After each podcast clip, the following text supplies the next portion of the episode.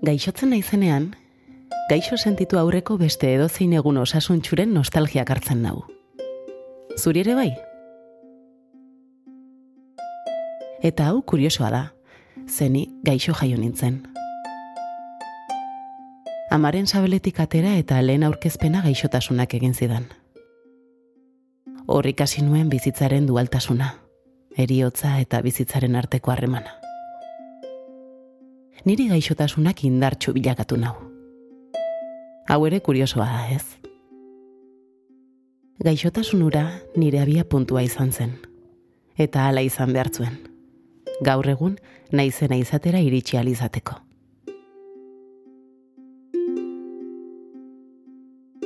Nik bizitza horrela astea erabaki nuen. Gaixo. Eta irakaspen horrek, gaur egun gaixotasuna beste modu batera ulertzera ekarri nau.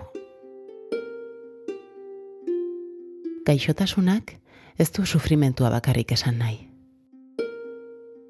Mina sentitzea, gitzatiarra eta eredugarria izan daiteke. Katazka ordea, minak sufrimentura eramaten gaituenean eta bertan ainguratuta gelditzen garenean hasten da. Naiz eta ni gaixo jaio, bizitza aukeratu dut. Sufrimenduari bizkarra eman diot. Eta ez dizut gezurrik esango, min asko pairatu dut. Mina, ordea, irakasle zorrotza izan da.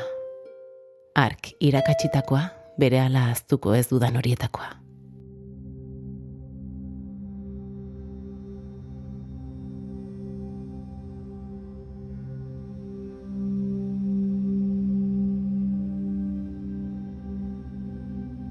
Naomi Mendizabal naiz eta aurratsa da. Ongizaterako eta norbanakoaren azkuntzarako podcasta.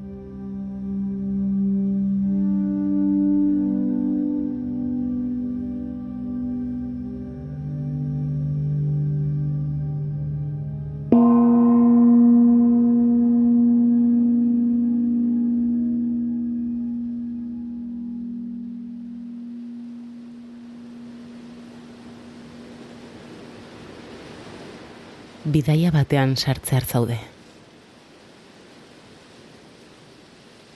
Bidaia honetarako ez duzu maleta ez pasaporterik behar.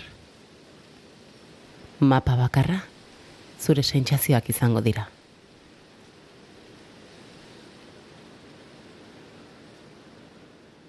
Hauek erakutsiko baitizute bidea eta zuk erabakiko baituzu noraino iritsi nahi duzun. Baldintza bakarra dago. Baimendu zure burua, bidaian agertzen zaizun edo zer sentitzera eta onartzera. Eta ondoren, gorde bizitakoa.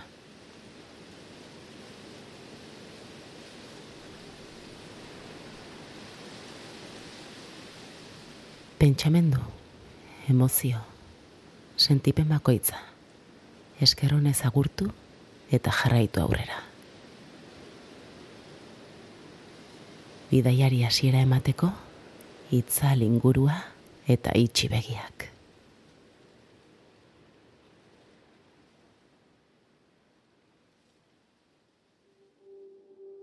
Eremu lasai eta seguru batean zaude.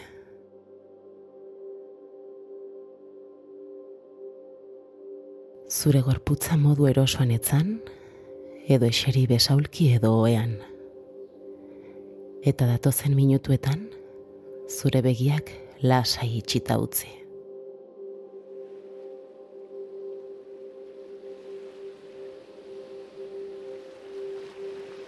Gorputz fisikoa lasaitzeko, harreta gorputzeko atal bakoitzera ekarri, eta tentxatu eta soltatu giar bakoitza. Tentxatu eta soltatu oinetako behatzak bernak, izterrak, ipur masaiak, bizkar osoa, sabela, bularra. Besoak. Eskuak.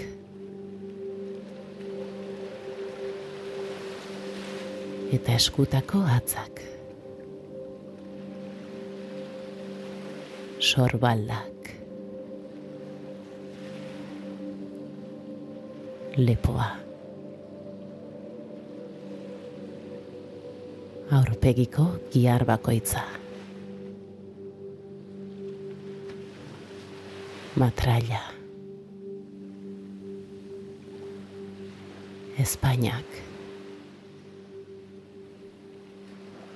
Aho Zabaia. Me engaña.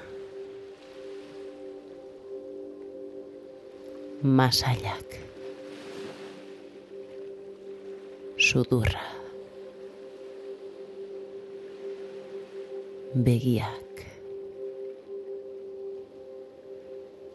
Copeta.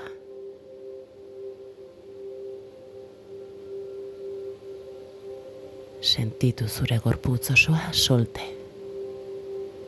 Tentsiorik gabe. Eta errepikatu beharra imat aldiz, tentsio eta erlaxazio osoa. Gorputz osoko erlaxazioa lortu arte.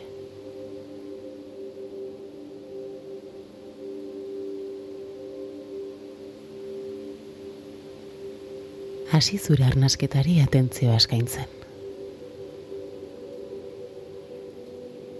Sentitu nondik sortzen zaizun arnasketaren bulkada. Eta saiatu pixkanaka sabelera jaisten.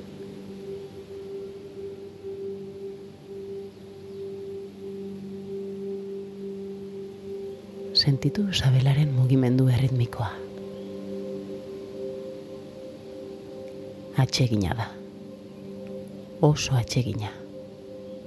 Eta gustura sentiarazten zaitu.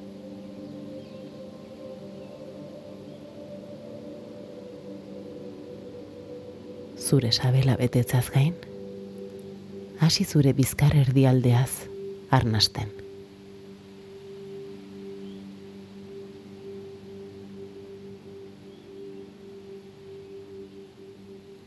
Sentitu zure saia etxinguruan espazioa nola sortzen den.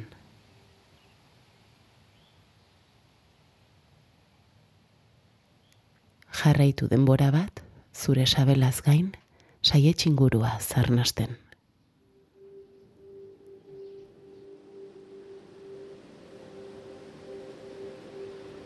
Behin arnasketa ritmoa mantxotu eta gorputza askeago eta zabalago sentitzen duzunean, ekarri arnasketa lepa usta iraino. Sabela bete, saietxak zabaldu, eta azkenik luzatu arnasketa lepa usta iraino.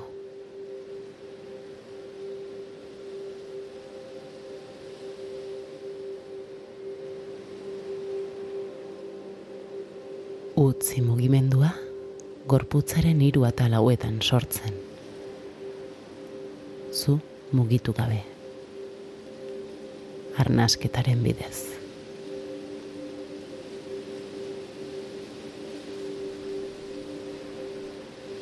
Fidatu zure gorputzaz eta egin arnasketa modurik lehun eta sakonenean. Arnaz askatzerakoan, lasaitu lenik lepa uztaiak. Gero, mantxo-mantxo, ustu saietxin gurua.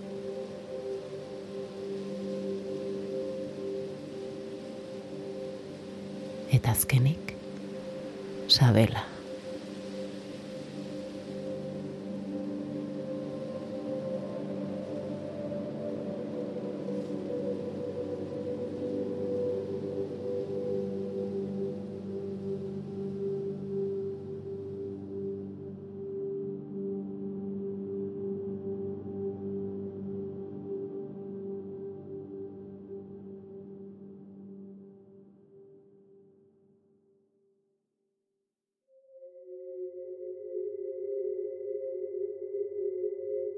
Templu batean zaude. Templura sartzeko zure gorputza garbitu duzu.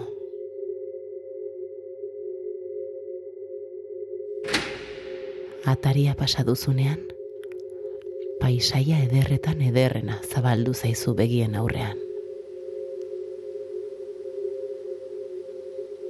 Badirudi, denbora gelditu egin dela. Dena da irmoa bertan.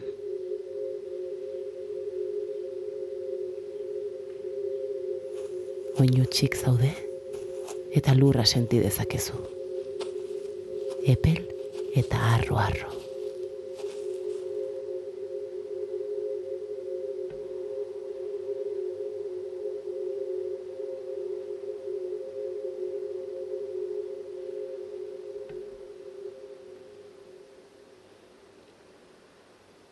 Ingurua lasaia da. Eta gustura sentitzen zara. Oso gustura.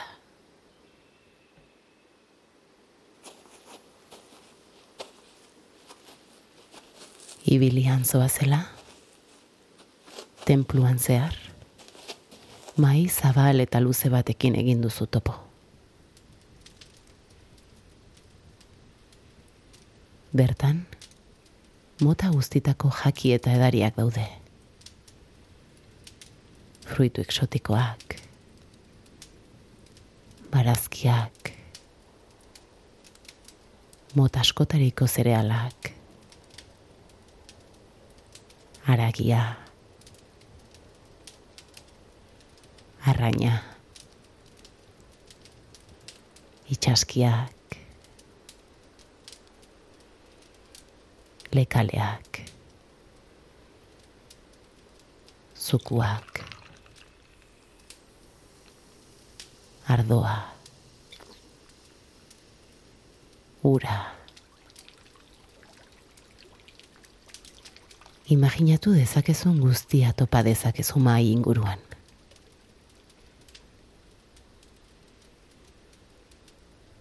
Elikatu zure gorputza, alik eta modu osasun txuenean.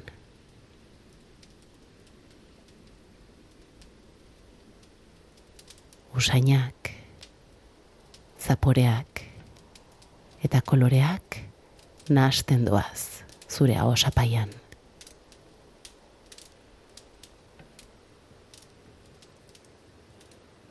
Ez tarritik behera, janari bakoitzaren ezaugarriak zure barrena nola elikatzen duen senti dezakezu.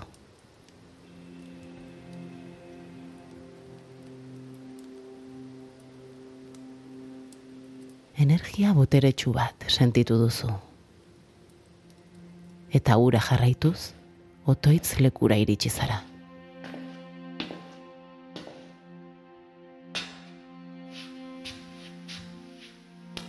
Alfombra baten gainean eseri, eta isilik gelditu zara.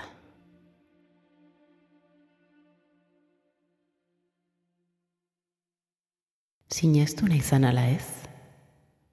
Templuko energiak bertan isilik egotera eta meditazioan barneratzera eraman zaitu. Begiak itxi eta zure barrua entzutera. Energia sentitzera elikatu zure burua, ahalik eta modu osasun txuenean. Denbora luzez, bertan, energia berezi horren baitan egon ostean, templuko beste alde batera joduzu.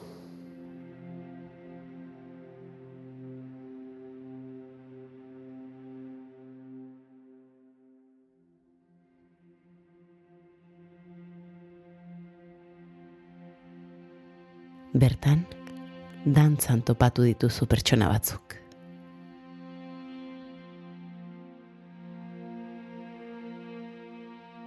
Naiz eta zuk dantzan ez jakin, eurekin mugitzea erabaki duzu.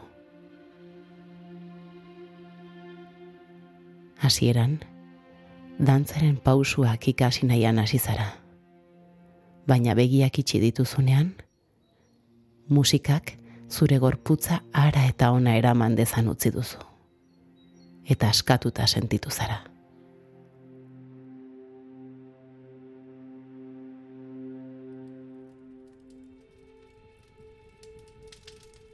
Dantzak, giarrak eta ezurrak soltatu dizkizu. Eta gorputzean, suaren pareko berotasuna sortu dizu. Berotasun horrekin, izerditan bukatu duzu.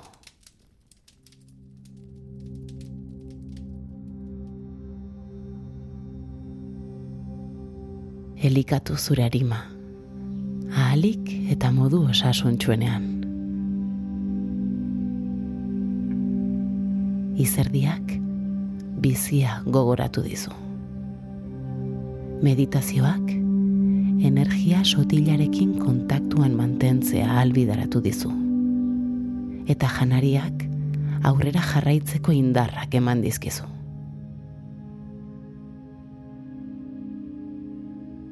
Templua zure gorputza da.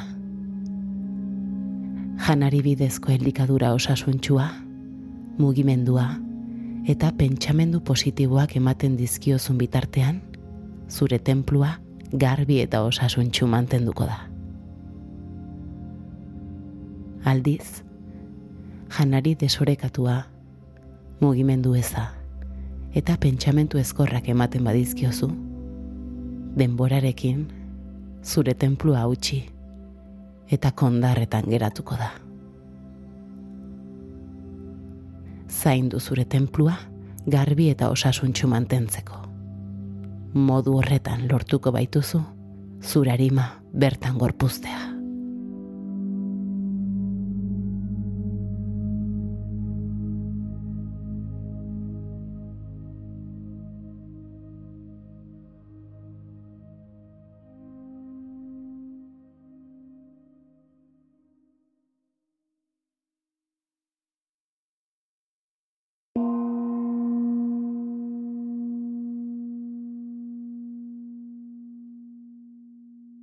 Naomi Mendizabal naiz eta hau urratsa da. Pausoz pauso zure osotasunaz jabetzeko bidea egiten lagunduko dizun saioa. Dagoeneko bigarren sasoiko hirugarren atalean gaude eta gainerako kapitulu guztiak entzun gai dituzu EITB podcasten edo zure audio plataforman. Gustatu bazaizu, eskertuko dizugu arpidetu eta lagun zein seniden artean zabaltzen baduzu. Zaindu zure tenplua eta urrengo urratxerarte. Ei, entzun hori. Ulu Media.